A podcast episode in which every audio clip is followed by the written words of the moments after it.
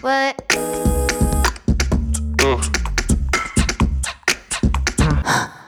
What We Women Want. Hallo iedereen. Dit is misschien een wat ongewone verwelkoming, maar u hoort het goed. Welkom bij What We Women Want. Een welkom met niet de vertrouwde stem van Valerie Thijs, maar dat heeft zo zijn redenen. Normaal was er deze week een aflevering met Kees Snels, maar die is verschoven naar volgende week, omdat we vandaag een vraag uit de actualiteit willen beantwoorden. Afgelopen week was het wettelijke vrouwenquota in Nederland in het nieuws. Op de Nederlandse versie van LinkedIn Nieuws werd onze podcast daarbij ook getagd. En in de discussie die daarop volgde, kregen we meermaals dezelfde vraag. Namelijk, wat kunnen wij doen om vrouwen te helpen? En die vraag, u hoort het letterlijk en figuurlijk goed, die werd gesteld door een man. Wat kunnen mannen doen om de gelijkheid tussen man en vrouw te helpen normaliseren? Wat moeten wij mannen doen en laten? En omdat het voor ons bestemd is, zijn er ook praktische tips, concrete to-do's waar we mee aan de slag kunnen. Dit is What We Women Want met vandaag 25 tips voor mannen om vrouwen door het glazen dak te laten breken. En die tips die krijg je natuurlijk van een vrouw, Valerie Thijs. Boom. What We Women Want. Dag Valerie en eh, welkom in je eigen podcast. Hè? Dankjewel, Dirk. Een beetje raar gevoel, kan ik me voorstellen. Ja, het is inderdaad raar om aan de andere kant te zitten. En voor de mensen die ons niet goed kennen, er is nog een extra rare laag bovenop, want ik ben uw man. Ja, wij zijn getrouwd, klopt. En dat met dit onderwerp, wat kunnen mannen doen om vrouwen te helpen? Je hebt 25 tips voorbereid. Hoe gaan we eraan beginnen? Wel, ik denk dat het vooral heel belangrijk is om te laten zien dat die 25 tips natuurlijk niet in steen gebeiteld staan. Hè. Je kan daar nog andere dingen bij gaan bedenken. Daar toch wel een beetje structuur ook in te brengen. Ik denk dat er heel veel tips zijn die iedereen of alle mannen kunnen toepassen. En dan gaan we heel specifiek kijken naar wat bijvoorbeeld vaders kunnen doen. Want ik denk dat het heel belangrijk is toch wel aan te geven dat papa's een heel belangrijke rol spelen in de opvoeding van zowel meisjes als jongens en het wereldbeeld en ook het genderbeeld dat daarbij komt. En dan anderzijds te kijken ook wat we in de bedrijfswereld en op werkgebied kunnen verbeteren. En dan uiteraard kijken naar de toekomst.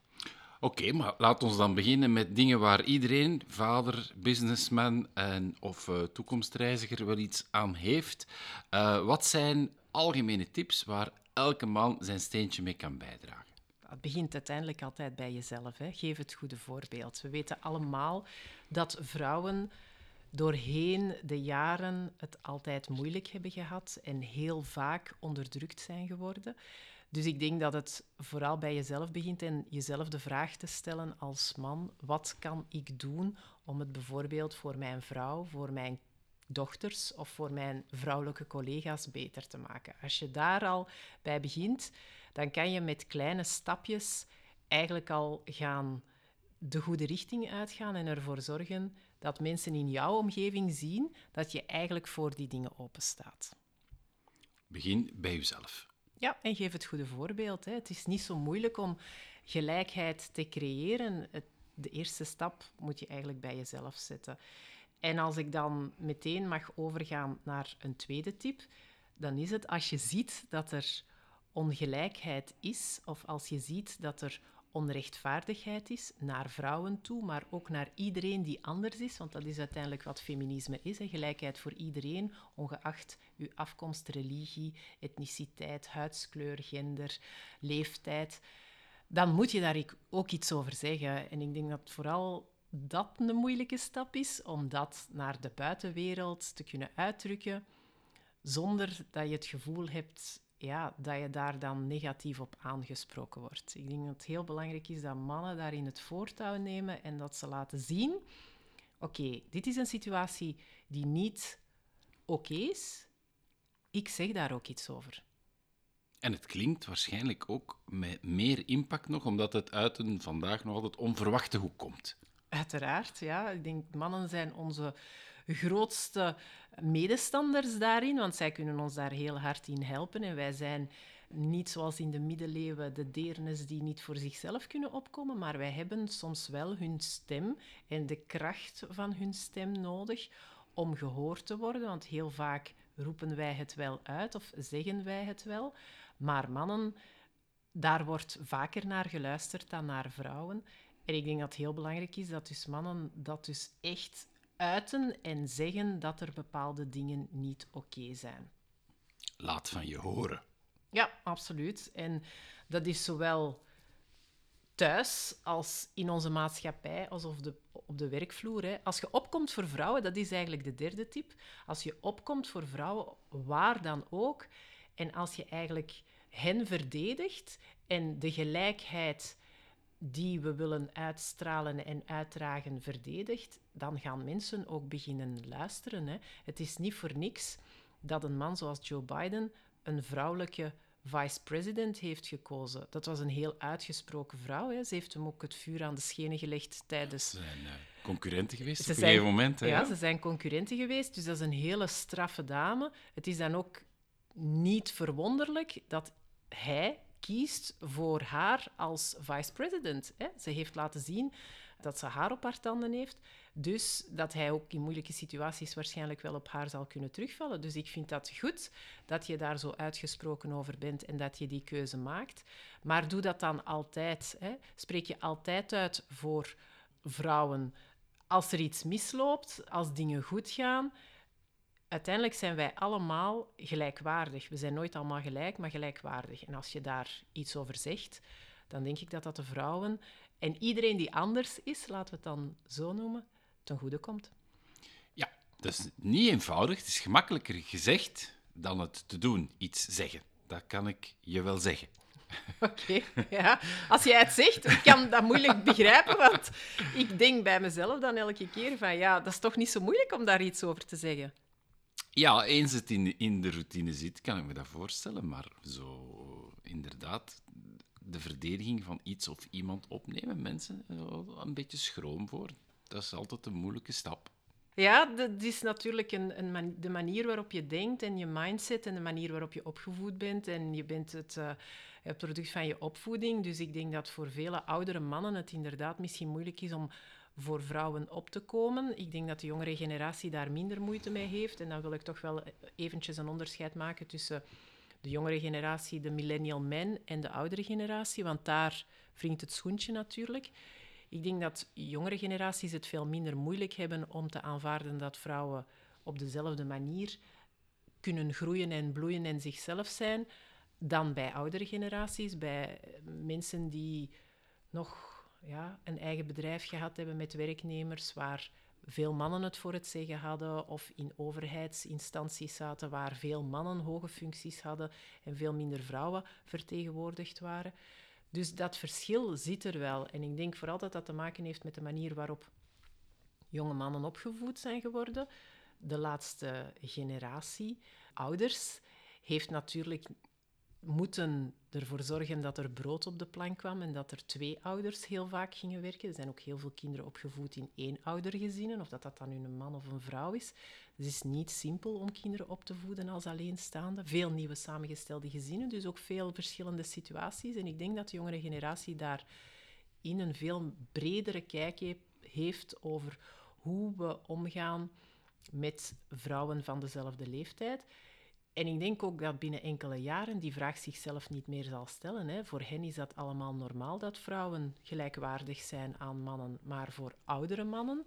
En ik ben, degene, ik ben de generatie en de mensen die misschien iets ouder zijn dan ik. Wij zijn allemaal boven de 40. Wij hebben nog echt te maken gehad met een mannelijke bedrijfscultuur, een mannelijke structuurcultuur waar hoge functies ja, enkel bekleed werden door mannen.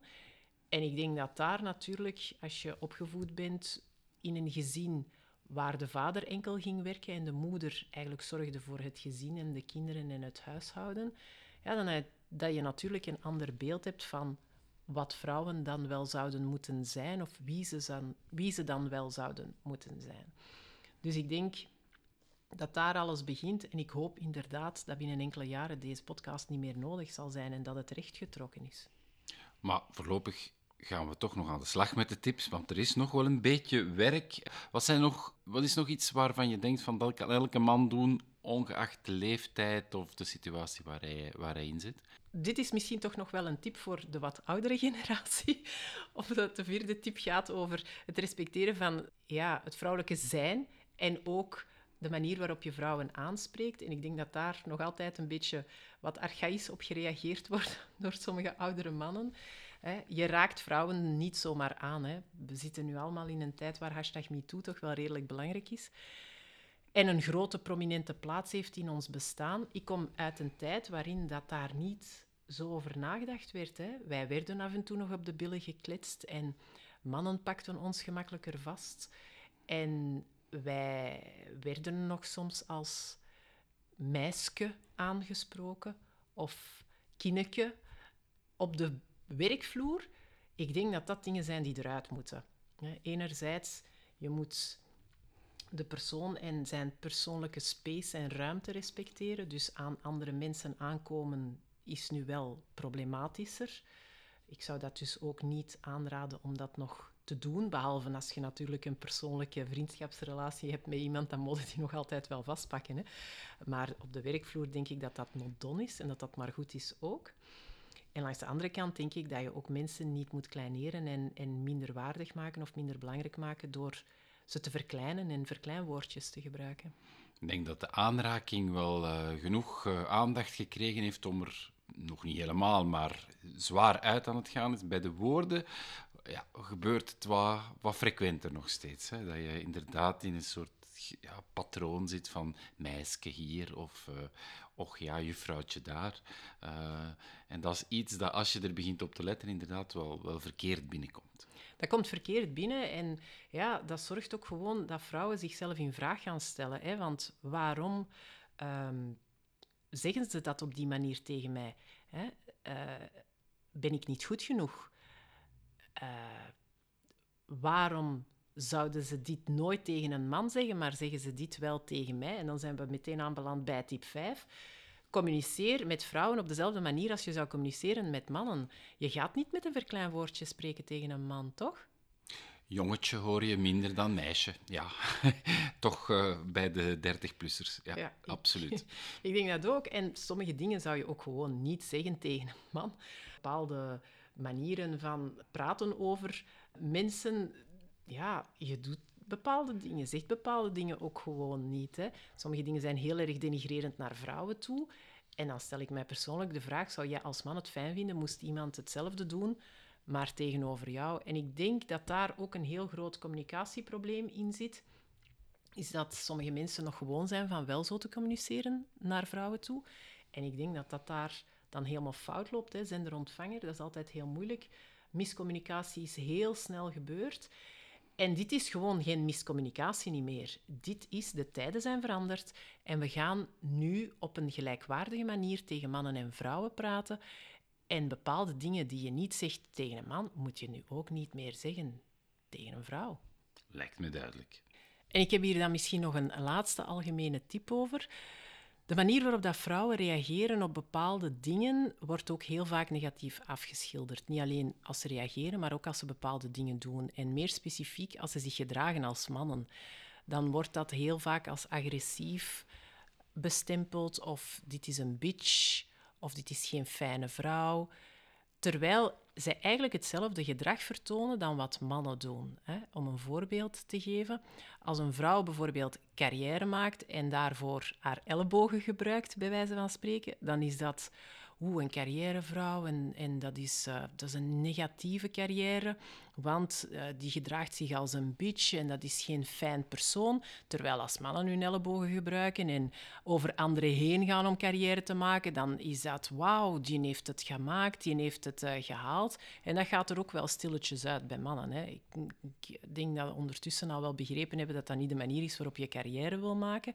Maar als vrouwen bijvoorbeeld hun stem gebruiken en zeggen dat ze bepaalde dingen niet leuk vinden, dan worden we heel vaak gesust. Dan worden we heel vaak als agressief hè, bestempeld. Dan is het van, je moet je stem niet verheffen. Het mooiste voorbeeld is, een paar weken geleden met Kaat Bolle, is dat in het weekend ontploft. Maandagochtend was de eerste reactie van de psychologencommissie, omdat zeer veel vrouwen foto's van zichzelf gepost hadden uh, met de hashtag I stand with Kaat, in bikini, in sexy pose, met sexy lingerie kregen we dan te horen dat we rustig moesten zijn. Ja, het is de reinste onzin, hè? Het is niet omdat jij reageert dat dat negatief is, maar als vrouwen reageren, als vrouwen carrière maken, als vrouwen dingen doen zoals mannen dat doen, wordt dat heel vaak gepenaliseerd. En dus mijn oproep is, en dat is iets heel algemeen, dat wanneer vrouwen zich op een bepaalde manier gedragen die assertief is, die voor zichzelf opkomend is, voor anderen opkomend is, vandaar niet een negatieve connotatie aan te geven. Het is niet meer sois belle et tais-toi, of sois belle en uh, sois sage. Ja en nee. Je mag nog altijd swabel zijn, uh, je mag nog altijd braaf zijn, maar als je voor je eigen opkomt, dan, moet je, dan moeten mannen dat ook aanvaarden, dat vrouwen een stem hebben en dat die gelijkwaardig is aan hun stem. Dan moeten ze daar niet ineens denigrerend over doen van jij agressieve. Nee, wij zijn even assertief. Wij zijn even assertief als mannen. Wij zijn even assertief als jullie. En als we iets niet fijn vinden, dan zullen we dat ook zeggen en dan moet dat ook gewoon aanvaard worden. Helder. Je weet, ik ben uh, vader. We hebben samen een hele hoop kinderen, vier stuks. Uh, zijn er tips voor vaders om uh, om te gaan met gelijkheid tussen mannen en vrouwen? Ja, absoluut. En ik denk dat dat ook heel belangrijk is dat papa's beseffen dat ze daar een hele belangrijke rol spelen. Want uiteindelijk is het wel door de opvoeding dat je een bepaald wereldbeeld krijgt.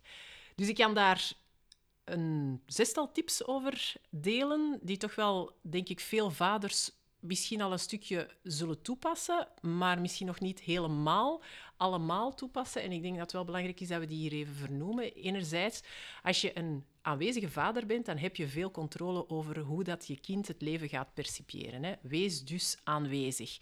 Doe dingen met je kinderen, maar doe dingen met al je kinderen. Als je en meisjes hebt en jongens, dan heb je een koningswens. En dan heb je ook het voordeel dat je in de twee kan investeren. Hè? Dat je de twee kanten kan laten zien. De manier ook waarop je met je moeder omgaat, is natuurlijk ook een heel mooi voorbeeld. Hè? Als je op een respectvolle manier, gelijkwaardig met je moeder omgaat, dan zullen zij dat ook in hun verder leven zo meenemen. Maar wees vooral bezig met je kinderen. Hè? Het is natuurlijk, we zitten in een periode waarin dat we heel veel thuiswerken. Dus de, de lijn tussen thuis en werk is ja, een beetje vervaagd. En dus wordt het natuurlijk een beetje moeilijk om dat allemaal te scheiden. Maar spendeer tijd met al je kinderen. Doe dingen die jij zelf leuk vindt en interessant vindt, maar doe ook dingen die zij leuk en interessant vinden. Het is niet ongewoon van een papa om met de Barbies te spelen. Als je meisje dat tof vindt, maar als uw dochter aangeeft dat ze bijvoorbeeld heel graag een stemrobot in elkaar zou knutselen, waarom zou je dat dan niet samen doen? Het is niet altijd de mama die van alles moet doen. Papa's moeten ook heel erg aanwezig zijn.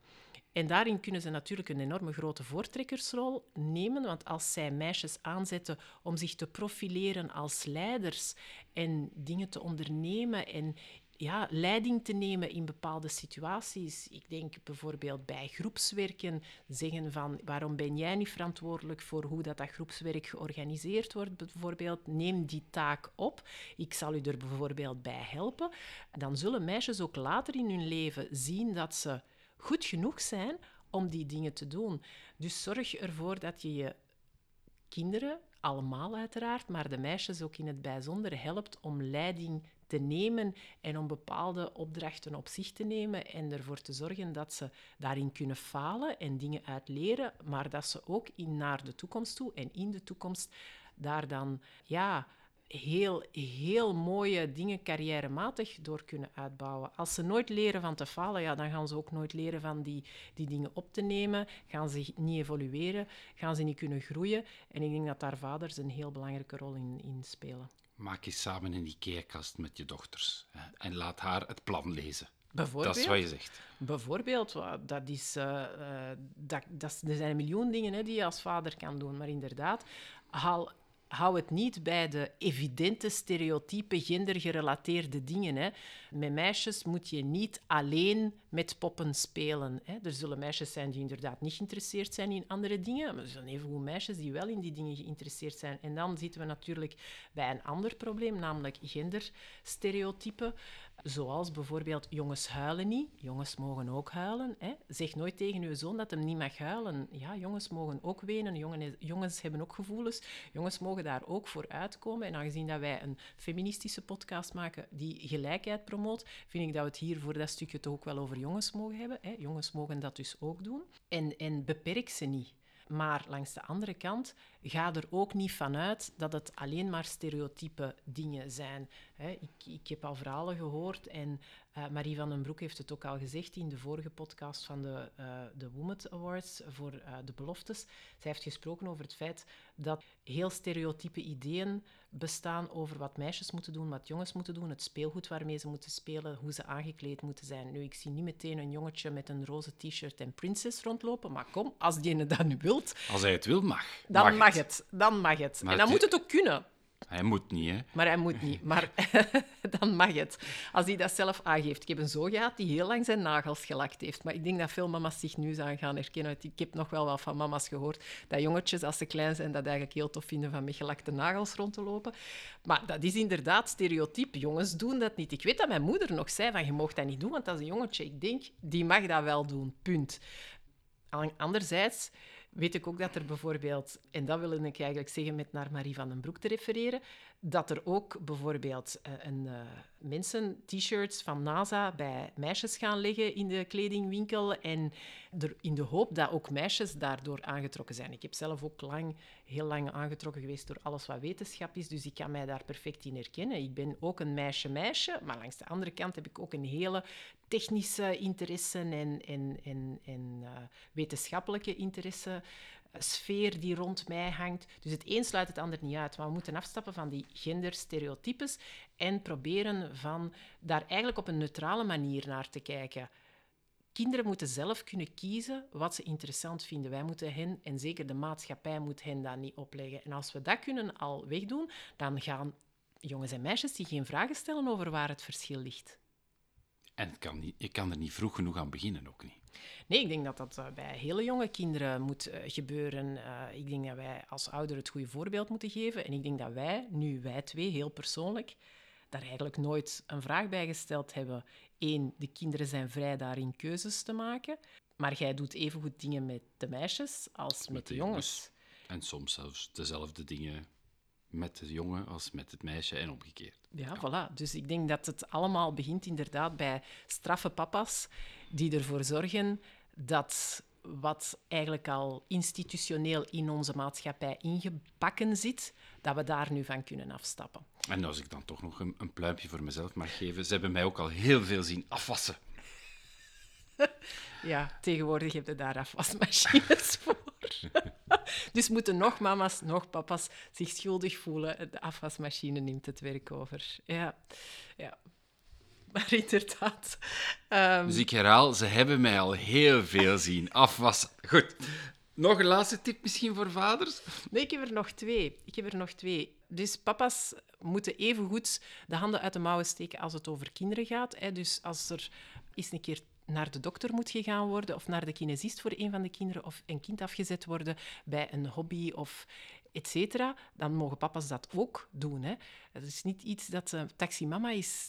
Taxipapa bestaat ook, hè. Als er bijvoorbeeld ouderschapsverlof opgenomen moet worden, en daarin moeten de werkgevers natuurlijk wel meewerken, maar ondertussen is dat ook al geëvolueerd, gelukkig maar moeten papa's dat ook gewoon kunnen opnemen. En ik denk dat die ook blij zijn, de jonge vaders, dat ze tijd met hun kinderen kunnen doorbrengen. Want ze zeggen heel vaak tegen vrouwen, het gaat heel snel, maar het gaat ook gewoon heel snel. En als je nu luistert en je hebt kinderen, dan begrijp je dat misschien niet, maar de dag dat je er zal hebben, dan zal je dat uh, meteen herkennen.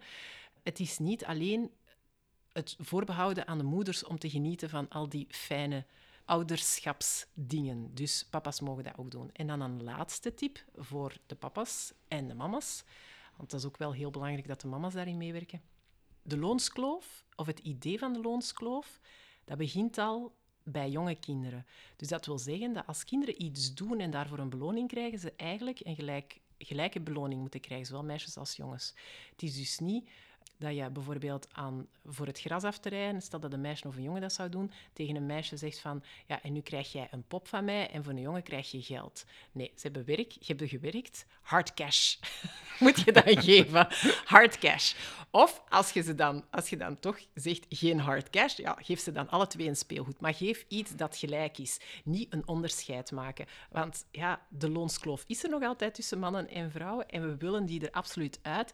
Dus het is heel belangrijk dat we al van kleins af aan gaan zeggen van als meisjes hard werken en als jongens hard werken, dan krijgen ze er alle twee geld voor. En je kan dat geld vervangen door iets anders, maar dat moet dan wel gelijkwaardig zijn. Gelijk loon voor gelijk werken, ook voor zesjarigen. Dat, dat, is, dat is wat je zegt. Okay, want anders is het hier over kinderarbeid. Met, met dat punt over uh, loon en verloning uh, zitten we eigenlijk in de volgende, volgende categorie van uh, omstandigheden waarin mannen kunnen proberen hun steentje bij te dragen. En dat is op de werkvloer. Ik kan me voorstellen dat daar ook nog wel wat werk aan de winkel is. Ja, dat klopt. Ik heb daar toch ja, bijna een tiental tips voor. Eerst en vooral, en ik ga proberen van dat zo kort en krachtig mogelijk met jullie te delen. Want anders wordt het natuurlijk heel veel en ingewikkeld. Vrouwen moeten natuurlijk toegang hebben tot bepaalde functies. Heel belangrijk is dat vrouwen evenveel toegang krijgen tot bepaalde functies als mannen. Dat is enerzijds. Een andere tip die daarmee gepaard gaat, is dat de recruteringsstrategie natuurlijk moet aangepast worden. Hè. Als je natuurlijk adverteert en je laat uitschijnen dat het enkel mannen zouden kunnen zijn die hiervoor in aanmerking komen. En dan ga je minder vrouwen hebben die daarop solliciteren. Dus als je dan gelijke toegang wilt verlenen, dan gaat je daar ook heel expliciet in zijn. Nu, ik weet tegenwoordig in grote bedrijven... Het is verplicht ook, hè? Ja, het is een wettelijke verplichting, maar het is de uitstraling meer. Ja, de uitstraling meer. En ik denk ook dat je sommige vrouwen gewoon ja, dat duwtje in de rug moet geven om te solliciteren voor bepaalde functies. Het is het verschil tussen gewoon zetten M-V-X tegenwoordig of expliciet, dat heb ik ook al een paar keer gezien, de tekst schrijven dat je stimuleert dat er uh, gelijke toegang is tot alle functies. Eh, eh, je hebt bedrijven die er effectief een hele paragraaf in, in, in personeelsadvertenties aan wijden. En je hebt er anderen die gewoon uh, de verplichte M/V in de advertentie opnemen. Dat is waar je het over hebt. Hè? De, ja. je kan ook nog dat extraatje doen. Ja, en dan heb je natuurlijk degene die in heel algemene termen spreken. Bijvoorbeeld, ik heb zelf onlangs nog een advertentie zien staan waarvan ik dacht, moest ik nu niet heel gelukkig zijn als zelfstandige, zou ik daar heel graag op solliciteren. Maar daar stond gewoon geschreven ingenieur gezocht. Hè, dat, dat was echt, de functieomschrijving was een ingenieur. Ja, dan denk ik, veel vrouwen gaan zich daardoor niet aangesproken voelen. Terwijl dat die voor die functie misschien wel perfect geschikt zouden zijn. En misschien zelfs ook een ingenieurstudie achter de rug hebben. Maar het is maar hoe dat je het formuleert. En daardoor kan je natuurlijk wel veel vrouwen overtuigen van daar wel op in te schrijven als je daar natuurlijk moeite voor doet. Een ander iets is dat je, ja, eens dat vrouwen dan op de werkvloer zitten en staan, ze voor je bedrijf werken, dat je toch een beetje dingen aan je cultuur moet veranderen. Zo denk ik bijvoorbeeld aan momenten waarop je iets voor het team doet, dat je daar een soort van hybride, mannelijke, vrouwelijke, onzijdige evenement, ja, actie, ding dat je gaat organiseren, rondbouwt. Hè. Vroeger was het vanzelfsprekend dat mannen bijvoorbeeld een pint gingen pakken op café of naar een cigarbar gingen om dan een netwerkmoment te organiseren of naar de golfclub. Ik ben zeker dat er vrouwen zijn die graag sigaren roken en naar de golfclub gaan, maar misschien moeten we toch dat een beetje hoger of breder openstellen naar activiteiten die ook voor vrouwen van toepassing zijn. En ik heb dat niet specifiek over teambuildings, maar over netwerkmomenten, informele netwerkmomenten. Het is vaak op informele momenten dat er heel veel mannen samenklitten en dingen doen die mannen doen en daar minder vrouwen bij betrekken. En ik denk dat dat eh, binnen de bedrijfscultuur in sommige bedrijven zou moeten veranderen. Het zijn tips voor mannen, dus wat je zegt is, beste man, als je dat organiseert, hè, ga er dan vanuit dat het deelnemersveld ook moet kunnen vervrouwelijken of vrouwelijk zijn. Ja, dat klopt helemaal. Dat uh, vrouwen zich ook aangesproken voelen door de activiteit of de locatie of de plek waar uh, je iets gaan doen, gaat doen. Anderzijds moet je het flexibel werkbeleid wel ondersteunen. Hè. Dat is zowel voor vrouwen als voor mannen. Want uiteindelijk, we maken hier geen podcast enkel voor vrouwen. We maken een podcast voor vrouwen door vrouwen, maar we promoten vooral veel gelijkheid.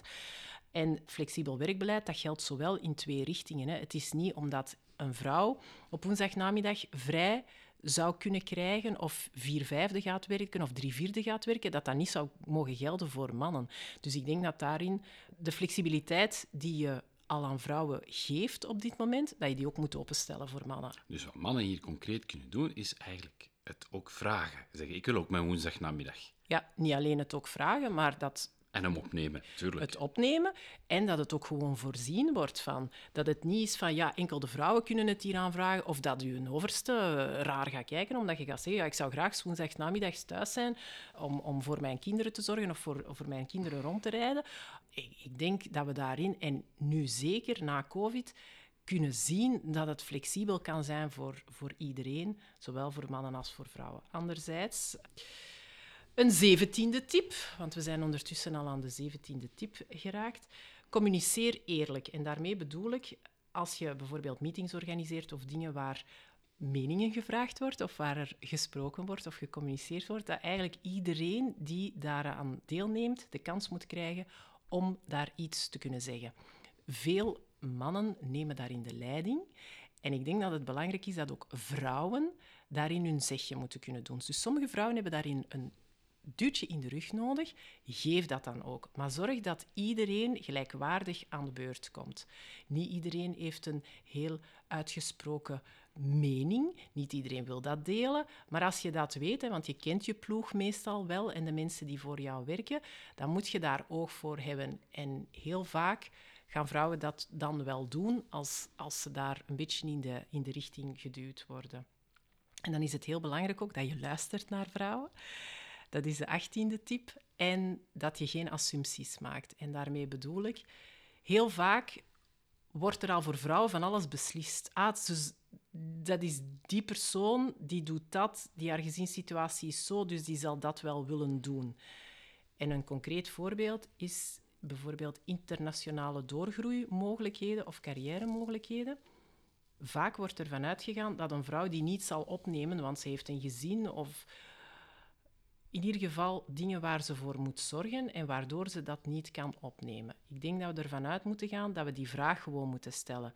Zie jij dat zitten of wil jij dat doen? Is iets anders dan het niet voorstellen aan de vrouwen en ervan uitgaan dat ze het toch niet gaan opnemen. En ik denk dat we daar ook nog een, een beetje verder in moeten gaan en dat vanzelfsprekend maken dat voor alles wat in een carrière kan passeren, er oprecht gewoon aan die persoon gevraagd wordt of dat hij daarop wil ingaan of niet. Dus luister wat ze zelf willen. Dat is absoluut. En zo, dat is ook de reden waarom dat onze podcast zo heet, What We Women Want. Luister naar de vrouwen en we zullen nu zeggen wat we graag en niet graag hebben. Anderzijds, een andere tip is, bedrijven vragen ook wel nog dingen buiten het werken heen. Heel vaak worden er nog activiteiten georganiseerd of bepaalde dingen geregeld. En heel vaak komen die op het bord van de vrouwen terecht. Ik denk bijvoorbeeld aan afscheid van een collega, verjaardagscadeaus die gekocht moeten worden voor collega's. Heel vaak zijn dat de vrouwen die daarin initiatief nemen, die dat organiseren, etc. Ik zou het fijn vinden moesten mannen dat ook meer doen. Hè. Enerzijds kan dat frisse ideeën genereren. Anderzijds moeten mannen er niet altijd van uitgaan dat het alleen maar de vrouwen zijn die de koffie gaan halen, de notulen gaan opmaken, de administratie verzorgen, etc. etc. Wij hebben ook nog andere dingen te doen. Werken aan het bedrijf en niet alleen werken in het bedrijf. Dus uh, ik denk dat het uh, heel belangrijk is dat mannen van nature daar gewoon ook aandacht voor hebben. En ja, ook eens een kaartje gaan kopen voor een collega die ziek is of whatever. En rondgaan op de werkvloer en vragen aan iedereen om dat kaartje te tekenen. Ja, en vooral niet wachten tot het gevraagd wordt, maar het zelf voorstellen. Dat is de, de concrete actie die, die daar dan kan genomen worden. En dat je dat als man doet, vermijd je dat het weer bij een vrouw terechtkomt. Ja, en, en dat is heel clichématig, hè, want heel veel mannen zijn met dat soort details niet bezig. En dat is een fout cliché dat ik nu aanhaal. Maar als je weet dat je daar niet mee bezig bent, heb daar nu eens het komende jaar extra aandacht voor. Dan ga je zien dat heel veel vrouwen gaan zeggen van... Misschien in het begin gaan ze zoals zeggen, ja, gaat dat dan wel lukken? Maar wij vrouwen kunnen ook wel vertrouwen hebben in mannen en los dingen loslaten. dus ja, met vallen en leren, met, met, vallen en opstaan leer je het. Hè. Dus je moet het misschien ook gewoon eens een keer proberen. Ja. Ik denk dat dat niet de moeilijkste tip is op uh, de lijst die we al gehoord hebben tot uh, nu toe. Die zal wel wat uh, navolging krijgen. Nog dingen die op de werkvloer kunnen gebeuren? Ja, iets heel belangrijk, iets waar ik zelf heel veel belang aan hecht, is geef vrouwen de erkenning die ze verdienen. Als bepaalde doelen gehaald worden, dan is het ook niet meer dan normaal dat je daar die mensen voor in de bloemetjes zet. Publiek, niet publiek, hè, eh, een persoonlijk bericht sturen, eh, dat aan het team mededelen, maar geef de mensen die iets verwezenlijken binnen het bedrijf erkenning. Zowel mannen als vrouwen, maar voor vrouwen wordt dat veel te weinig gedaan. En of wordt het heel vaak toegekend aan de groups effort.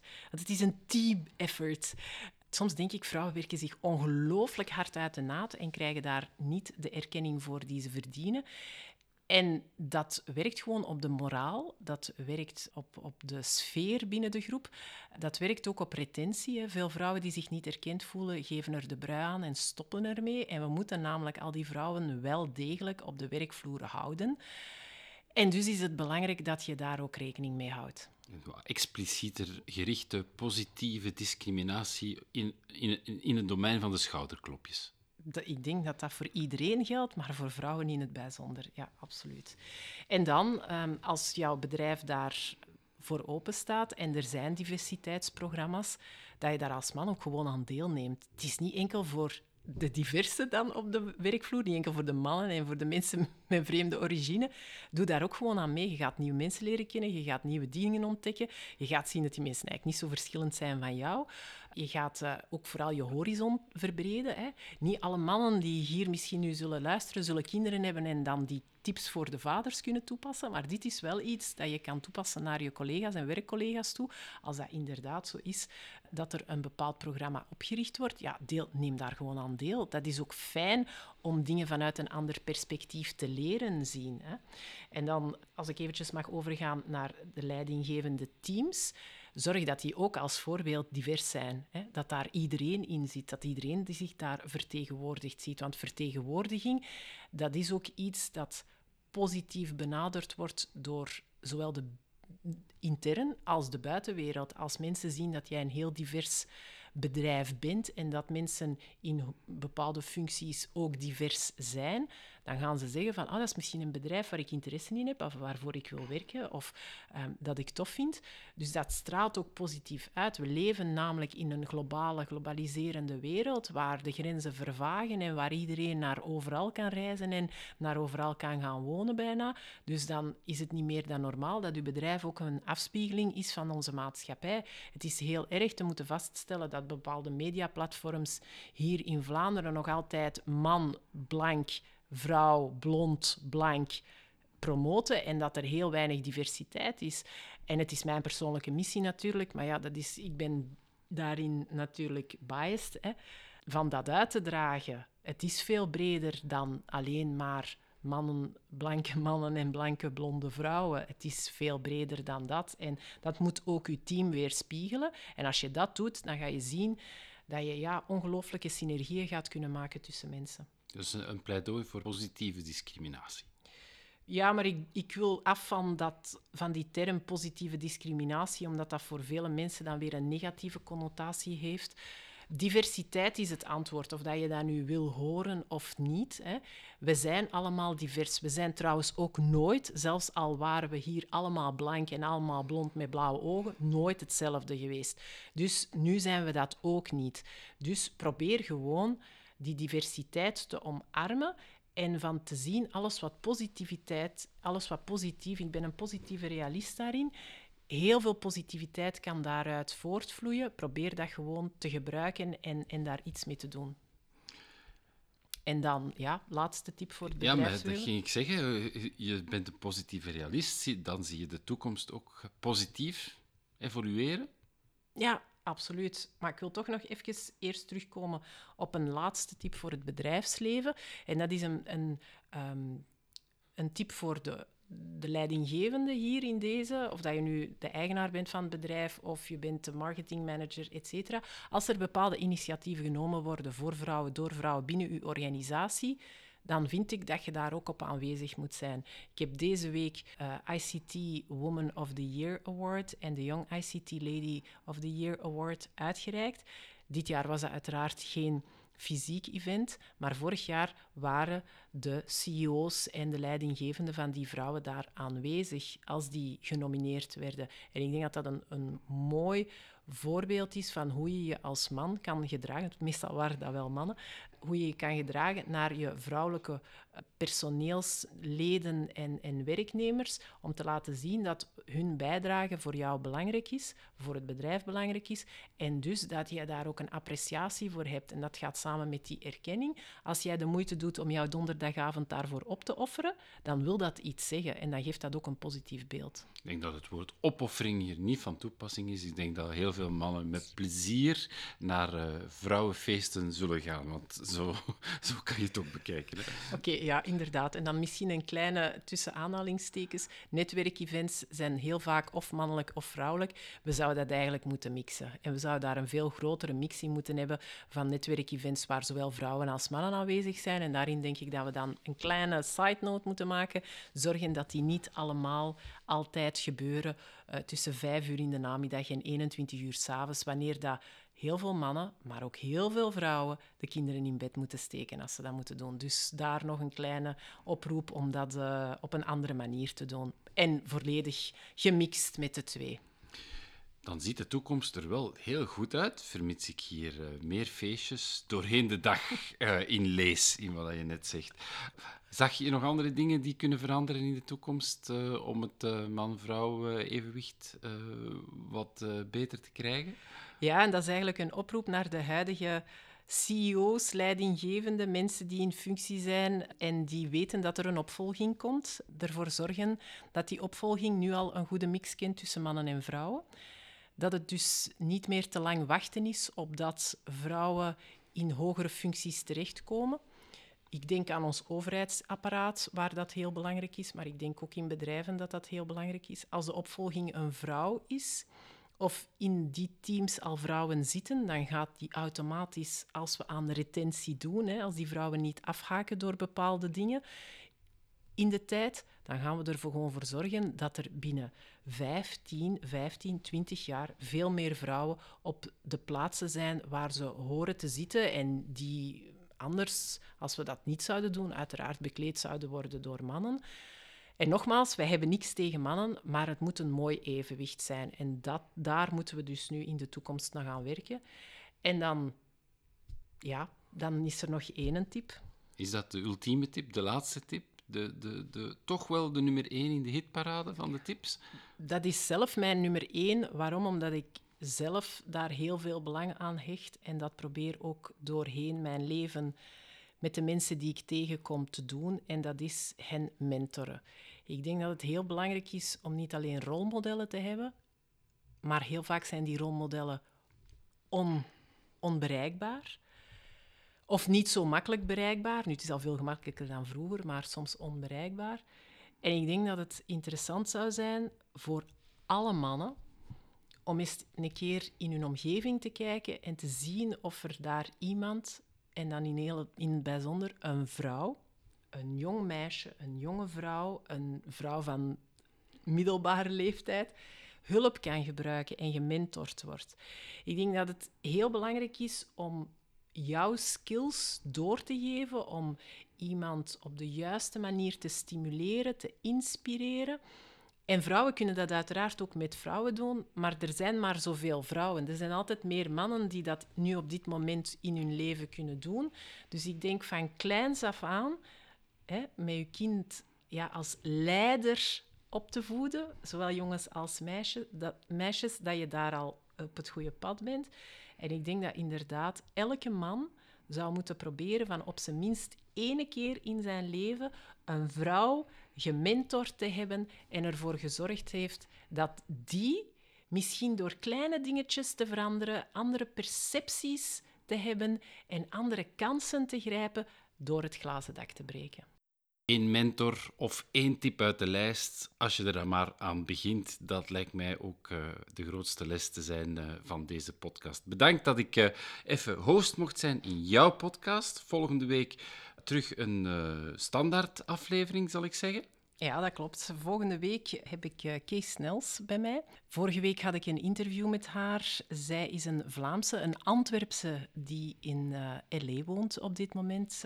En zij is het voorbeeld van millennial die niet bij de pakken is blijven zitten en met haar diploma digitale marketing naar de Verenigde Staten is getrokken om daar bij Uber Uber, moet ik eigenlijk zeggen, en Boss Babe te gaan werken. En zij vertelt ons alles over eh, haar uh, All-American lifestyle, want ondertussen zal je ook merken in het gesprek is al volledig na zes jaar ingeburgerd. Dus volgende week, zondag, om 9 uur, een nieuwe aflevering van What We Women Want met Kees Snels. Boom! What We Women Want. Bye!